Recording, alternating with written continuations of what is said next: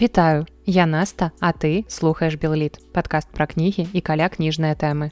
І вось ужо 91 выпуск я рассказываю вам пра кнігі не толькі пра кнігі часам пра сябе пра жыццё пра розныя рэчы які адбываюцца навокал і я думаю вы ўжо разумееце да чаго я вяду рэч у тым што набліжаецца соты юбілейны выпуск які мне хацелася б зрабіць нейкім асаблівым святочным я б хацела ў гэтым выпуску паадказваць на ваши пытанні Таму калі вы маеце нейкія пытанні про тое як я дайшла до такога жыцця што вось ужо соты выпуск подкаста буду записывать як я чытаю что я чытаю. Мачыма штосьці вы хацелі у мяне даўно спытаць пра кнігі не пра кнігі калі ласка усе свае пытанні вы можете задаваць Напрыклад, па-першае, вы можете задаваць іх у Google формы. Спасылку на Google формы вы знойдзеце ў апісанні да выпуску. Перавага Google форма ў тым, што там вы можете быць ананімным. Вы можете не пакідаць ваше імя, гэта не абавязкова, а просто можете задаць мне нейкае пытанне. Таксама умоўна ананімна у сэнсе, што я буду бачыць ваш e-mail, вы можете пісаць мне на электронную пошту белаліт пост сабака gmail.com. таксама вы знойдзеце яе ў пісанні да выпуску. Ну і таксама заўсёды адкрытыя каментарыі на кастбоксе, каментарыі пад выпускам на Ютубе і таксама каментарый на SoundCloud. Таму чакаю любых вашых каментарыяў, якімі патурацкімі ці недарэчнымі яны па вам не падаваліся. Калі яны мне пададуцца такімі, то я проста на іх не адкажу, магу сабе дазволіць. І яшчэ раз дзякую кожнаму з вас за тое, што вы зрабілі магчымым гэта, вы зрабілі магчымым тое, што ўжо набліжаемся мы да сотага выпуска. Дзякую усім, хто слухае мяне, хто далучыўся толькі сёння, для каго гэта першы выпуск падкаста Белліт. Я вас вітаю, мяне зовут Наста і я рассказываю пра кнігі. І калі ўжо так плаўна падступацца да тэмы нашай сённяшняй размовы, хаця я думаю, што вы ўсе пабачылі, як называецца сённяшні выпуск і ведаеце, пра што мы будзем гаварыць. Ну дык вось, я паглядзела, што вельмі даўно ў маім падкасці не было выпускаў з цыкла сёлета для тых хто новенькі тут або для тых хто старэнькі але ўжо троху падзабыў бо сапраўды гэтых выпускаў не было больш за год я нагадаю што гэта выпускі у якіх я рассказываю пра творы беларускай літаратуры якія сёлета святкуюць свой юбілей і сёння мы з вами пагаворым пра твор які аўтар дапісаў роўна 80 гадоў таму так што атрымліваецца гэта сёлетні юбіляр паводле даты напісання але не даты публікацыі кнігі як звычайна бывае ў гэтым цыкле трошкі чыцерства але зноў жа хто мне забароніць Таму у эфіры 91 выпуск подкаста Белліт. І сёння ў межах цыкла сёлета мы гаворым пра раман кузьмы чорнага пошукі будучыні. Мікалай Раманоўскі, больш вядомы нам пад псеўданімам кузьма чорны, хаця ў яго ўвогуле было даволі шмат псеўданімаў. І дарэчы мяне заўсёды здзіўляла як нашы класікі маючы такія прозвішчы як луцэвіч раманоўскі міцкевич такія прыгожыя шляхецкія прозвішчы яны сабе бралі нейкія максімальна простыя і можна нават сказаць прыземленыя псеўданімы. Там купала чорны колас ну стаецца каб быць бліжэй да народу Дык вось Миколай рамановскі ён жа кузьма чорны літаратурную дзейнасць пачаў 1920 годзе як паэт. Ён друкаваўся як пад уласным прозвішчам так і пад крыптанімам мр ну што расшыфроўваецца ўласна як Миколай рамановскі. А з 1921 года ён дэбютаваў і ў прозе. І ўсё ж такі нам ён стаў больш вядомы як празаік і пошукі будучыні. Гэта адзін з апошніх раманаў чорнага які ён завяршыў за год да смерці ў 1943 годзе. Але ўпершыню гэты твор быў апублікаваны толькі ў 1950 і ў канцы твора чорны напісаў. Конец кузьма чорны. 7 гадзін вечара 18 верасня 1943 года. Москва гасцініца якарь Вось пагадзіцеся, што гэта вельмі зручна, калі аўтары пакідаюць такія падрабязныя звесткі, каб даследчыкам потым не давялося неяк расшукваць усю гэтую інфармацыю. А тут мало таго, што ён падаў канкрэтную дату, калі скончыў гэты твор, дык ён яшчэ пазначыў час і канкрэтнае месца. Ну і кузьма чорны увогуле вёў дзённікі і даволі шмат дзённікавых запісаў дайшло да нас, таму многія рэчы наконт умоў, наконт абставін напісання яго твораў мы ведаем цалкам пэўна менавіта з гэтых дзённікаў і 2 ліпеня 1944 года у сваім дзённіку чорны напісаў што ачуняўшы пасля цяжкай хваробы якая суправаджалася амаль поўнай слепатой ён перапісваў рукапіс гэтага рамана. І далей я цытую дзённік. А яшчэ 6 месяцаў таму калі пачынаў перапісваць пошукі будучыні мне была пакута выпісваць роўна загаловак і першы радок як я ўжо сказала раней упершыню роман быў апублікаваны толькі ў 1950 годзе праз сем гадоў пасля напісання быў апублікаваны ён у часопісе полымя у нумарах 11 і 12 дзе быў подвергнуты прыкметнай рэдактарскай апрацоўцы я магу сказаць што калі ты чытаеш твор гэта вельмі моцна адчуваецца бо нібыта застаюцца пэўныя моманты па-за межамі твора ты адчуваеш нейкую недагаворанасць. І калі я апошнія дні чытала гэты твор дакладней перачытвала яго ўжо другі ці трэці раз мне нават цяжка сказаць таму што гэта было хутчэй за ўсё і ў школе мы яго праходзілі потым ва ўніверсітэце яго чытала і вось чытала трэці раз для таго каб ужо расказаць пра яго вам. Дык вось калі я абмяркоўвала зараз гэты твор з людзьмі якія таксама яго чытаюць мы сышліся на той думцы што адчуваецца гэта вельмі моцна што твор быў рэдагаваны што яго правілі і нешта з яго прыбіралі Але пачнём з таго, што я прабягуся па сюжэце гэтага твора, таму адразу вас папярэджваю, што ў маёй сённяшняй размове магчымыя спойлеры, бо мне хочацца даволі падрабязна расказаць пра сюжэт гэтага твора. Магчыма, сярод вас ёсць смелыя слухачы, хто не баіцца спойлеру або школьнікі, якім тэрмінова трэба даведацца, пра што ж гэты твор то ў такім выпадку можете заставацца са мной а калі ўсё ж таки вам страшна даведацца што ў гэтым творы хтосьці памрэ ці я раскрыю нейкі сюжэтны паварот то вы спачатку можете гэты роман прачытаць. Ён даволі невялікага аб'ёму і вы прачытаеце яго даволі хутка. І пастараюся даволі падрабязна але пры гэтым максімальна сцісла хаця я не ведаю наўрад ці у мяне гэта атрымаецца але я ўсё ж пастараюся акрэсліць у чым жа сюжэт гэтага твора Падзеі рамана пачынаюць разгортвацца ў першую сусветную вайну на падворку волечкі нявады ў вёсцы сумлічы. Волечка падлетак яна засталася без бацькі, які сышоў на фронт і вельмі даўно не атрымлівала ад яго лістоў, таму яна мяркуе, што яго ўжо даўно няма ў жывых. Як бы гэта не дзіўна, яна ўжо да гэтага падрыхтаваная і цалкам усведамляе, што вось такі трагічны варыянт развіцця падзеі магчымы. Цяпер яна засталася адна дома, яна адна займаецца гаспадаркай і ў яе вобразе чорны паказвае іншых такіх дзяцей, якіх поўна было на нашых землях, гэтых дзяцей са страчаным маленствам, якія былі вымушаны вельмі рана пасталець. Таму першая частка рамана яна так і называецца украдзенае маленства. Тыя гады прымусілі нас з малку дзён прывучвацца да плуга і касы, да пілы і сякеры, да гэбля і долата, да молата і кавадла. Гэтае начынне і прыладдзе, па якім яшчэ нядаўна хадзілі бацькавы руки, было яшчэ і цяжка і вялікае кожнаму з нас. Але ў той меры, у якой ішоў час, усё больш звыкласць, як светлы ратунак, прыходзіла да нас. І тыдзень за тыднем, месяц за месяцам сталася так, што дзесяцігоднія дзяўчаткі жалі жыта. Дванаццацігоднія хлапчукі аралі, як мае быць, а пятнаццацігоднія самі вялі гаспадарку, кармілі сем'і працай сваіх рук, ведалі, дзе, што і як сеяць умелі зрабіць новы панарад і драбіны і давалі слушныя заўвагі кавалю, калі той не так як трэба нацягваў шыну на кола. 16годнія хлопцы хадзілі па пілоўцы, а 17годнія пачыналі пераймаць цяслярства.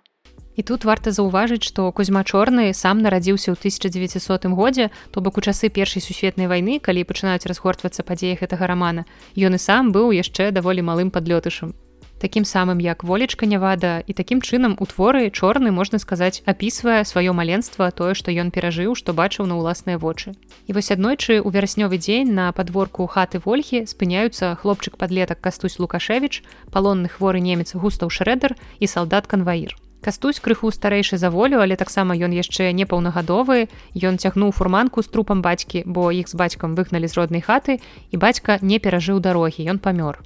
Таму хлопец цяпер вязе яго шукае дзе пахаваць і вось у выніку якраз там дзе ён спыніўся ў сумлічах бацьку і пахавалі.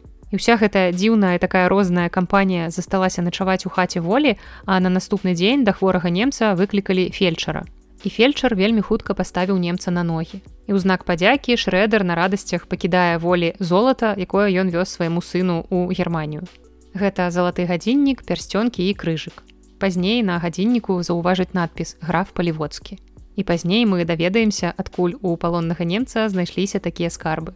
Потым салдат канваір вядзе палоннага немца далей а кастусь застаецца на нейкі час як ён думае на нейкі час у хаце у волі каб дапамагаць дзяўчыне. Бо восень яшчэ жыта не пасеяна ну і увогуле мужчына ў хаце заўсёды прыдасца улічваючы што волечка даволі малая дзяўчына яна засталася дома адна і мужчынскія рукі будуць не лішнія і далей ідуць гады кастусь ужо уладкаваўся ў нявадавай хаце ён стаў там гаспадаром і яны з волечкай жывуць сваім ціхім мірным шчасцем наколькі ўвогуле яно было магчымае ў тыя гады. І аднойчы яны вырашылі нарыхтаваць дровы на зіму. І для гэтага ноччу паехалі ў лес каб ніхто не заўважыў што яны па сутнасці крадуць гэтыя дровы яны знайшлі там нейкае дрэва сухастойнае. І падчас гэтай прыгоды паколькі было ўжо даволі дрэннае надвор'е волечка захварэла Так што кастусь зноў звярнуўся да таго самага фельчара. І фельчар, калі прыехаў да іх у хату, ён запытаў, што ж яны зрабілі з тым золатам, бо ён памятаў, што немец пакінуў ім золата. Але аказалася, што нашыя героі абсалютна спакойныя, немеркантыльныя, золата ляжыць на відавоку проста сярод сталовых прыбораў у шуфлядзе. І тут таксама варта прыгадаць, што калі толькі вось уся гэтая кампанія з немцам прыцёглася ў хату да волечкі, немец папрасіў напісаць ліст ягонаму сыну, каб адправіць праз фельчара, таму што ён думаў, што ўсё ён памрэ, ён хацеў сказаць свае апошнія словы на развітанне сыну і жонцы. І ўжо пасля таго, як ён ачуняў, ён напісаў другі ліст. І фельчар ён крыху цямі ў нямецкай мове, таму тыя лісты ён прачытаў і вось цяпер зноў наведаўшы дом нявады, ён пераказваў змест лістоў нашым героям. І як я ўжо сказала ў першым лісце немец развітваўся сынам і жонкай бо не быў упэўнены што ён ачуняе. Ён расказваў што зрабіў проста ўсё магчымае каб іх сям'я з арандатараў ператварылася ў гаспадароў бо яны не малі ўласнага маёнтка яны яго арандавалі і вось ён казаў што зрабіў усё што мог каб гэта змянілася. Ну а цяпер усё ж таки вернемся да пытання паходжання золата адкуль яно было ў немца. І тут найверагодней што шрэдер займаўся марадзёрствам вольны ад баёў час Ён проста хадзіў па палях і здымаў залатыя вырабы з трупаў салдат. І сумна, што для нас цяпер гэта не проста нейкія гісторыі з мінулага для нас гэта наша рэчаіснасць і пра падобныя выпадкі, на жаль, мы і цяпер можам чытаць у навінах. Ну і калі немец ачуняў, то ён праз канваіра вырашыў перадаць другі ліст, у якім ужо прасіў прабачэння ў сына за сваю хвілінную слабасць. Ён ужо вельмі шкадаваў, што так неабдумана нават неразважліва аддаў сваё золата волі. І вось такім чынам фельчар пераказаў змест лістоў волі і кастусю і рабяты пасля гэтага перахавалі золата ў куфар. Ну але па-ранейшаму нічога з ім не рабілі, яно проста ў іх захоўвалася. У апошнія дні лістапада 1920 года з нямецкага палону вяртаецца бацька дзяўчыны стары нявада, які ўсё ж такі не памёр.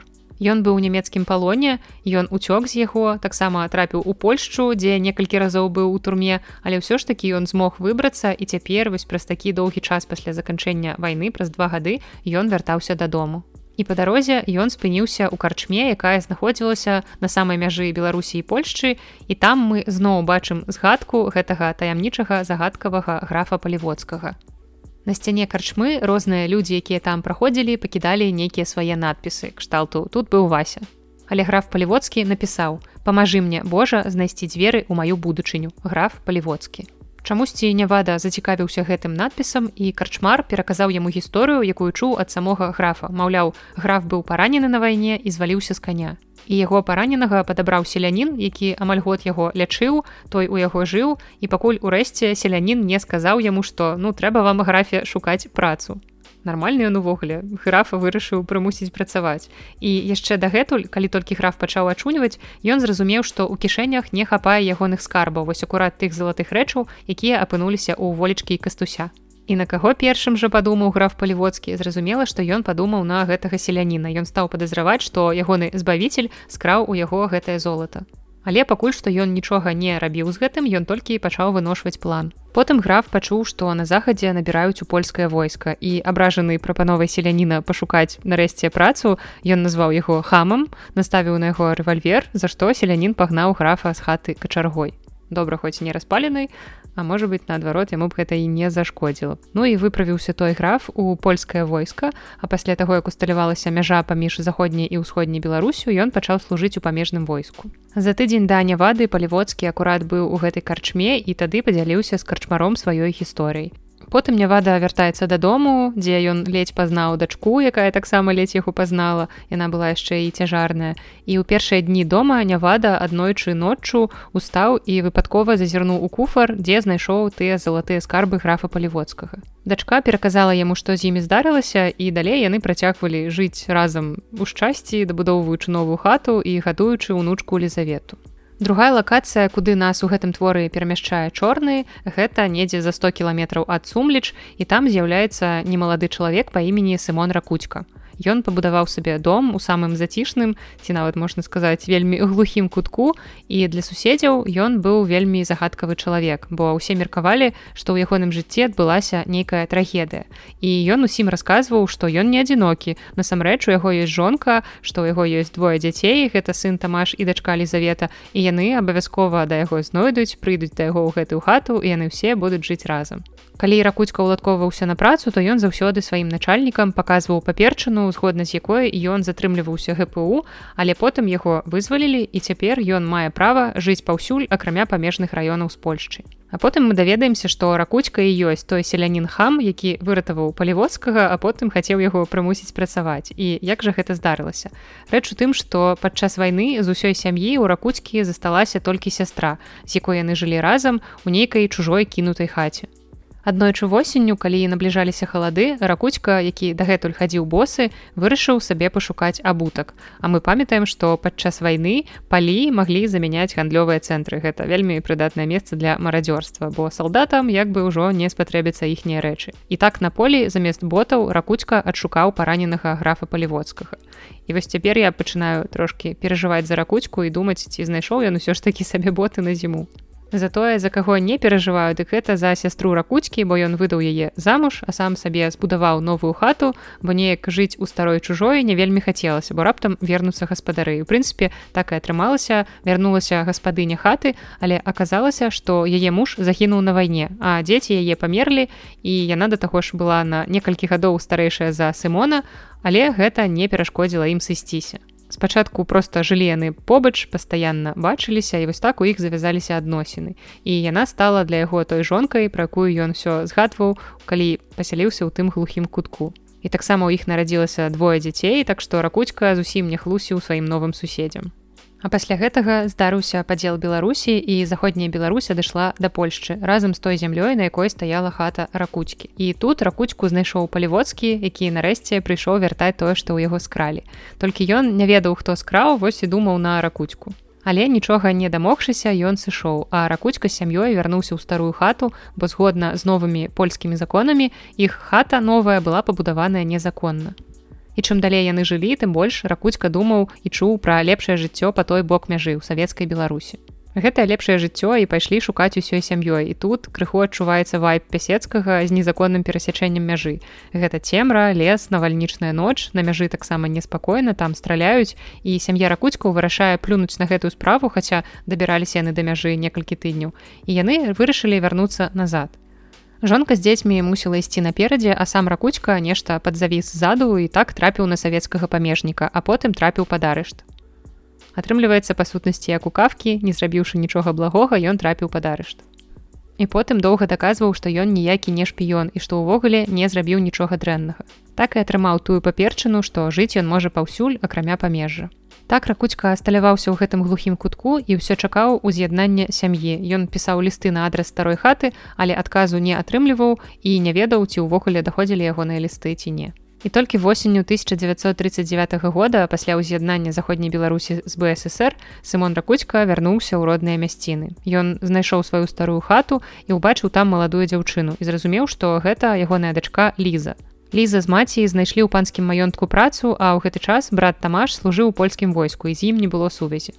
У гэтай хаце яны ўжо не жылі і Ліза проста прыйшла туды, каб пакінуць суседу іх новы адрас, каб Тамаш, калі раптам ён вернецца, мог іх знайсці. Сымон выслухаў ад яе ўсю гэтую гісторыю, але не прызнаўся дзяўчыне, што ён яе бацька. Ён думаў пра тое, што мінулае не варочаецца, але гэта, канешне, вельмі дзіўная рэакцыя. Потым ён правёў ноч у старой хаце, якая ўжо была нежылой і закінутай. І на наступны дзень ён пайшоў да суседа і там зноў сустрэўся са сваёй дачкой. Ад яе ён даведваецца змест ліста да сына, у якім яна паведамляе, што адрас бацькі яны ведаюць і піша яму гэты адрас. Атрымліваецца што яго лісты даходзілі да сям'і і гэта вельмі моцна эмацыянальна ўздзейнічае на ракуцьку таму ён просто сыходзіць і вяртаецца туды дзе столькі гадоў чакаў сваю сям'ю і ў двары гэтага свайго новага дома ён бачыць жонку а потым гэты дом дзякуючы лісту ад сястры знаходзіць таксама ягоны сын які вяртаецца з войска і так адбываецца ўз'яднанне сям'і ракуцьку І пачынаецца другая частка рамана пад назвай вялікае скрыжаванне. Маецца на ўвазе скрыжаванне дарог, дзе адбываюцца амаль усе падзеі гэтай часткі. На старой маскоўска-варшаўскай шашы непадалёку ад сумліч. Там на скрыжаванні стаяла старая таполя, ля якой любіў адпачываць стары нявада. Ён назіраў за падарожнікамі і так аднойчы ён убачыў грузавік, з якога вылезла маладая дзяўчына. Лізавета, але не яго ўнучка, а дачка ракуцькі. І я не разумею, навошта чорны даў гераіням аднолькавыя імёны. Я і так дрэнна запамінаю імёны, а тут яшчэ пастаянная блытаніна з гэтымі дзяўчатамі. Лізавета, якая дачка ракуцькі яна была студэнткай у беластоку і вярталася з іх старой хаты у новую, якую пабудаваў бацька і столькі гадоў там іх чакаў. Хаця цяпер пасля ўз'яднання Беларусі яны мелі правы і на старую хату, так што сталі можна сказаць заможнымі гаспадарамі з дзвюма хатамі. Лізавета не знайшла таго, хто б яе падвёз у патрэбнае месца на гэтым скрыжаванні і таму бліжэй да ночы яна пайшла шукаць прытулку ў сумлічах, а раніцай падсела ў нейкі грузавік і паехала. Яшчэ адзін незвычайны падарожнік якога на скрыжаванні заўважыў нявада гэта хлопец які здавалася б просто тут адпачываў. Ён нават не стараўся злавіць нейкую папутку. І гэтым ён падаўся няваду падазроным. І далей ён стане важным для сюжэта персонажам У гэты ж час з брэста пачалі ехаць аўтобусы з жанчынамі якія лямантавалі. І так высветлілася што пачалася вайна Тут жа наляцелі нямецкія самалёты і пачалі бамбіць сумлічы і ваколіцы. І нявада на грузавіку спрабаваў вывесці сваю унучку, але ўбачыў абломкі грузавікоў на дарозе і не рызыкнуў, ён вырашыў адправіць унучку назад, дзе было больш бяспечна, а сам застаўся на дарозе і стаў ратаваць дзяцей. І тут зноў у аповед уступае загадкавы незнаёмец, які дагэтуль чапляў на дрэвы нейкія ўлёткі. А цяпер ён паказваў тыя ўлёткі няваду, сцвярджаючы, што хутка тут усё будзе занятае немцамі і трэба немцаў прымаць як сваіх. І на гэтых улётках акурат было пазначана, як цяпер мусіць сябе паводзіць мясцовае насельніцтва і знізу быў подпіс акруговы камісар густаў шрэдер, той самы немец наш стары знаёмы. Чамусьці незнаёмаму хлопцу было вельмі радасна ад усяго, што адбываецца, яго зусім не бянтэжыла, не засмучала думка пра тое, што пачалася вайна. І нявада ад злосці ляснуў гэтага хлопца па галаве нейкім абломкам машыны. Лізавета, которая дачка ракуцькі, яна трапіла пад абстрэл і выбіралася з-пад абломка грузавіка. Амаль дзень яна прыходзіла ў сябе, седзячы там на дарозе, а раніца яна ўбачыла, як на дарозе спынілася машына. І з гэтай машыны выйшаў яе бацька. І аказалася, што ў першы ж дзень вайны старая хата ракуцькаў, на якую яны толькі-толькі вярнулі свае правы, аказалася спаленая. Таму бацька ехаў ужо ў новы дом. Ну а дом нявады стаяў пусты. Відаць, яго сям'я ўцякала ад вайны, але золата палівоцкага яны з сабой не прыхапілі. Таму нявада, калі вярнуўся дадому, сам забраў яго і пайшоў па вёсцы, але ўсе хаты там таксама ўжо былі пустыя.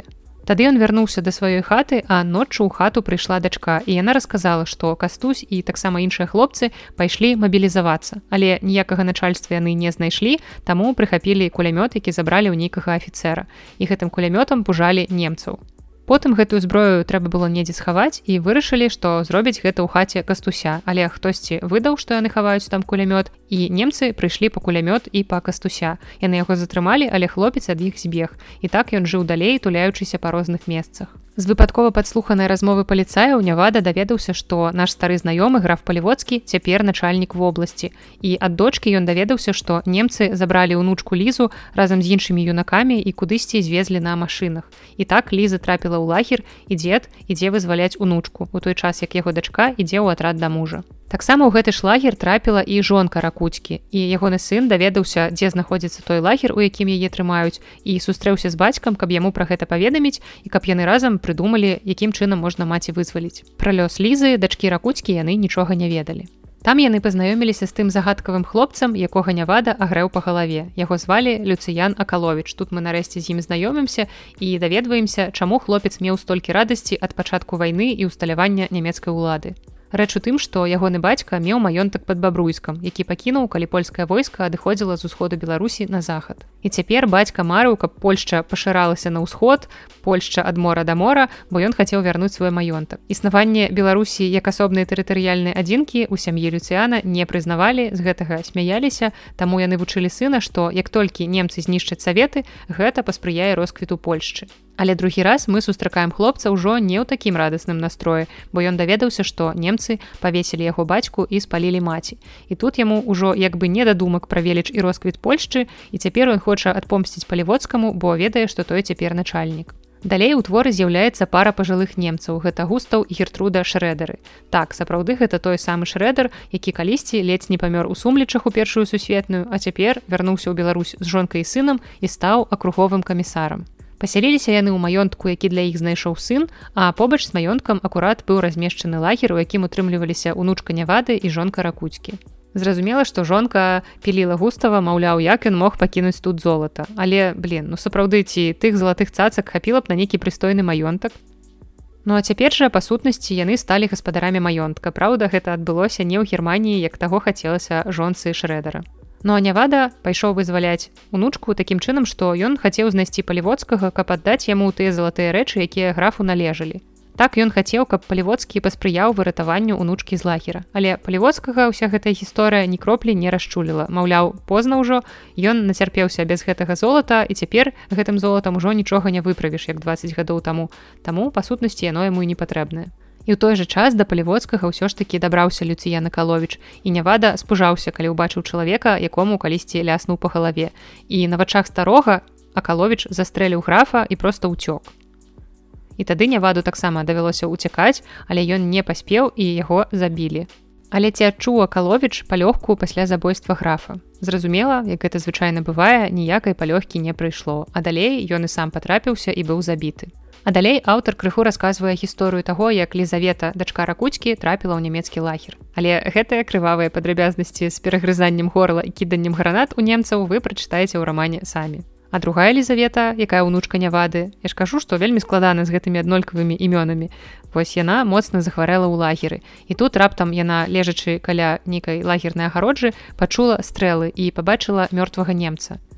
Аказалася, што вязняў лагера прыйшлі ратаваць і сярод ратаўнікоў акурат быў яе бацька Кастусь Лукашевіч і таксама Сымон Ракуцька. І далей проста адзін за адным ідуць бунты, партызаны вырашылі ісці на маёнтак шрэдараў. У тым ліку сярод іх быў тамаш ракуцька. І ў той момант там засталіся толькі старэйшыя шрэдары, якія пачалі хавацца. Яны правялі некалькі дзён у дарозе ў невыносных умовах без ежы і так Гертруда Шрэдар памерла, не перастаючы піліць мужа, што аддаў золата немаведама каму. Маўляў, тыя людзі дакладна з золатам увесь гэты час былі шчаслівыя. І жонка нават не дапускала думкі, што не ўсе, як яна думаюць выключна пра матэрыяльнае. Мне падаецца, што яна, мабыць, не паверыла, даведаўшыся, што нявады ніяк не скарысталіся гэтым золатам. Далей густа ўхаваўся адзін, зняўшы форму спавешанага салдата і выдаваў сябе за чэха. Блукаючы бязмэтна ён дайшоў да таго самага вялікага скрыжавання, убачыў знаёмы указальнік сумлічы і ўспомніў, што гэта тое самае месца, дзе ён калісьці выжыў. Ён вырашае ісці туды і ўжо відаць у нейкім змененым псіхічным стане ён прыходзіць у хату нявады, каб все ж таки спытаць, ці прынесла ягонае золата ім карысць каб хоць недарэмна жонка яго абвінавачвала перад смерцю. Але адказу на гэтае пытанне ён не атрымаў і спачатку яго ўвогуле прынялі за чэха, але потым кастуй зразумеў, што перад ім немец вывеў яго ў сад і застрэліў. Мне толькі цікавы момант, чаму шрэдара не пазналі адразу, Чаму яны прынялі яго за чэха і нават запрасілі ў дом. Няўжо за 20 гадоў ён увогуле настолькі змяніўся, што яго немагчыма было пазнаць, бо кастусі волечка у той час яны не былі малымі дзецьмі, ім было ад 14 гадоў яны цалкам мусілі памятаць гэтага чалавека. Так што тут ёсць пэўныя пытаннічкі, але гэтым забойствам і заканчваецца раман. Пачынаючы перачытваць гэты раман, я ўвогуле не ўяўляла, як шмат усяго ён можа ўва мне ўскалыхнуць. Самае банальнае гэта тое, што няпроста ў наш час чытаць ваенную прозу. Вайна не толькі лье кроў, але і кожную брудную душу выверне на паказ свету. Як і многія творы ваеннай прозы, насамрэч гэта антываенны раман. І чорны абсалютна бязлітасны ў паказе вайны, каб ні ў кога нават у думках не было неяк гэта ўзвялічваць ці гераізаваць. Але чорны не драматызуе, ведаючы, што за самымі чорнымі днямі настаюць сонечныя як гояцца раны зямлі зяе ямінамі разварочаная рыдлёўкамі зямля або ляжыць перад чалавечымі вачыма земляное калецтва. Калі пройдзе па ёй як гэта сёння у нашы ганебныя для чалавецтва дні ганьба чалавечага генія танк стварэнне чалавека дзеля смерці чалавека.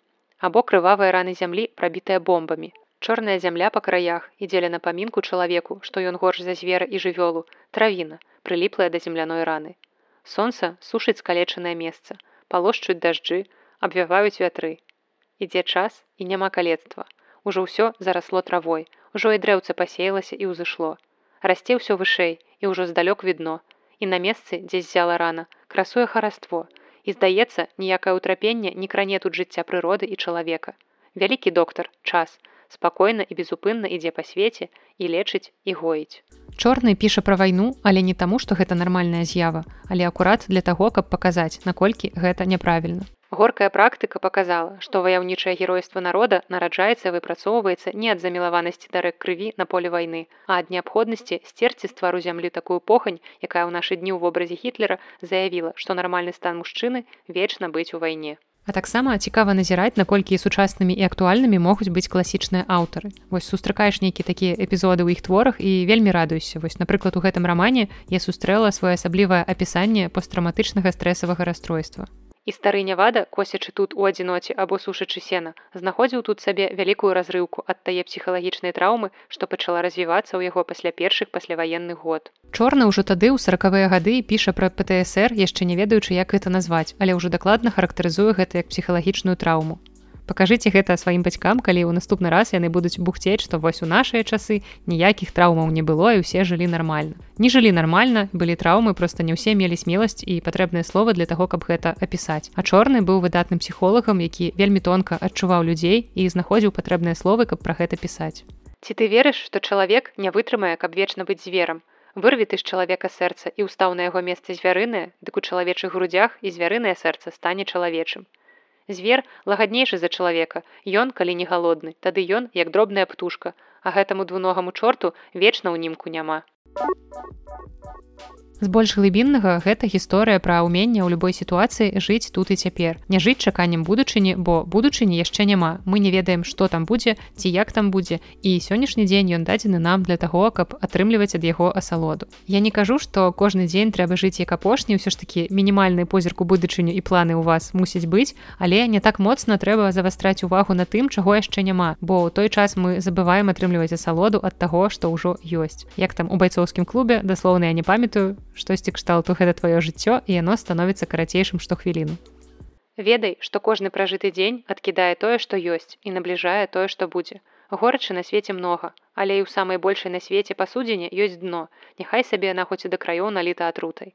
А ты стаіш перад векам сваім, дык атрутай горач выветрацца і высохнуць, а ты жыць будзеш і ведаючы што маю ў сабе такую праблему як няўменне жыць сённяшнім днём я пачынаю заўважаць што гэта наша агульная нацыянальная рыса. Чым больш ты чытаеш беларускіх класікаў чым больш ты вывучаеш беларускую гісторыю тым больш разумееш што гэта беларуская народная гульня пошукі будучыні. І то часцей гэта нават не пошукі будучыні а чаканне будучыні. Нават купала пісаў у 1922 годзе Цябе чакаем будучыні нейкай, што прыйдзеш, недзе ўсіх нас павядзеш і гінем марна пад чужой апекай, адбіўшыся ад родных вехаў меж. Але ж ісці да будучыні да пошуку шчасця можна рознымі шляхамі або сумленнымі, як гэта робяць нявады, не скарыстаўшыся золотам паліводскага ці як сымон ракуцька. А іншыя людзі наадварот, дзеля сваіх мэт яны плююць на людзей на нейкую мараль і вось у творы гэта паліводскі, напрыклад ці шрэдары. І ў гэтым сэнсе значным сімвалам у творы становіцца золата, праз стаўленне да якога нам раскрываюцца з'яўляюцца персонажы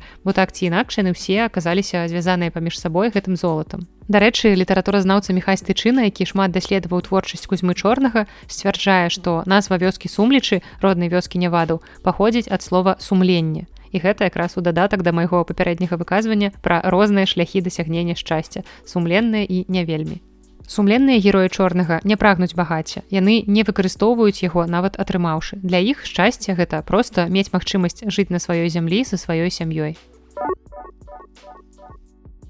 Таксама раней я згадала такую тэму рамана як скрадзенае маленства. І на жаль гэтая тэма актуалізавалася ў наш час побач з намі але насамрэч ёсць жа ў свеце краіны дзе гэтая тэма існуе на працягу стагоддзяў амаль бесперапынна і бацькі заўсёды змагаюцца за шчасце сваіх дзяцей, але потым дзеці вырастаюць і пачынаюць такжа змагацца за шчасце сваіх дзяцей. Але калі насамрэч адчуваць тое самае шчасце, гэта пытанне, якое застаецца без адказу і зноў жа вяртанне да тэмы чакання ўяўнай будучыні, калі ўсё будзе лепш. А калі тая будучыня настане невядома. І ўсё ў творы здаецца трапляе ў нейкае замкнёнае кола, мы назіраем пэўную цыклічнасць, ёсць адчуванне, што людзі вечна вымушаныя хадзіць па коле, з якога ніяк не вырвацца, пакуль ты не вывучыш урокі жыцця, пакуль ты не выправіш усе свае памылкі, пакуль ты іх не асэнсуеш так напрыклад вайна прыходзіць двойчы. Немец шрэдер вяртаецца ў Беларусь другі раз. Стары нявада які толькі нядаўна гараваў над страчаным маленствам дачкі цяпер праходзіць той жа шлях і з унучкай.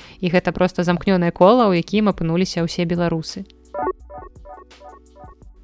Яшчэ адна тэма якая метафарычна задаецца назвай другой часткі рамана вялікае скрыжаванне гэта Беларусь на скрыжаванні інтарэсаў захаду і ўсходу.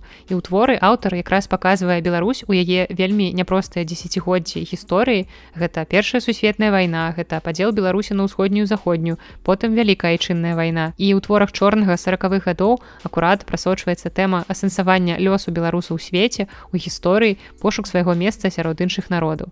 І таксама под вялікім скрыжаваннем маецца на ўвазе тое як перакрыжоўваецца ў гэтым творы шляхі ўсіх персонажаў Часам гэты твор чытаецца нават як гістарычны дэтэктыў, калі героі атрымліваюць золата графа паліводскага, а потым па крупінках збіраюць гісторыю гэтага чалавека і перад намі разгортваецца гісторыя жыцця графа, гісторыя жыцця краіны. Такім чынам, акрамя ваеннай прозы, нейкай сацыяльна-філасофскай прозы мы тут бачым яшчэ і такі своеасаблівы гістарычны трылер улічваючы даволі вялікую колькасць крывавых страшных непрыгожых падрабязнасцяў якія паказвае нам чорны. Дык у чым жа пісьменнік бачыць апору ў цяжкія часы бясспрэчна для чорнага для яго сістэмы каштоўнасцяў адна з найважнейшых каардынат гэта сям'я бо ў творы мы якраз прасочваем моцныя сямейныя сувязі. І для аўтара які перажыў тридцатыя гады гэта было своеасаблівым спосабам тэрапіі бо пасля культу даносаў на сваіх жа які панаваў 20 30 сын за отца не отвечает і гэтак далей чорнаму было важна сцвярджаць сямейныя сувязі як адну з найвялікшых каштоўнасцяў у пабудове шчаслівай будучыні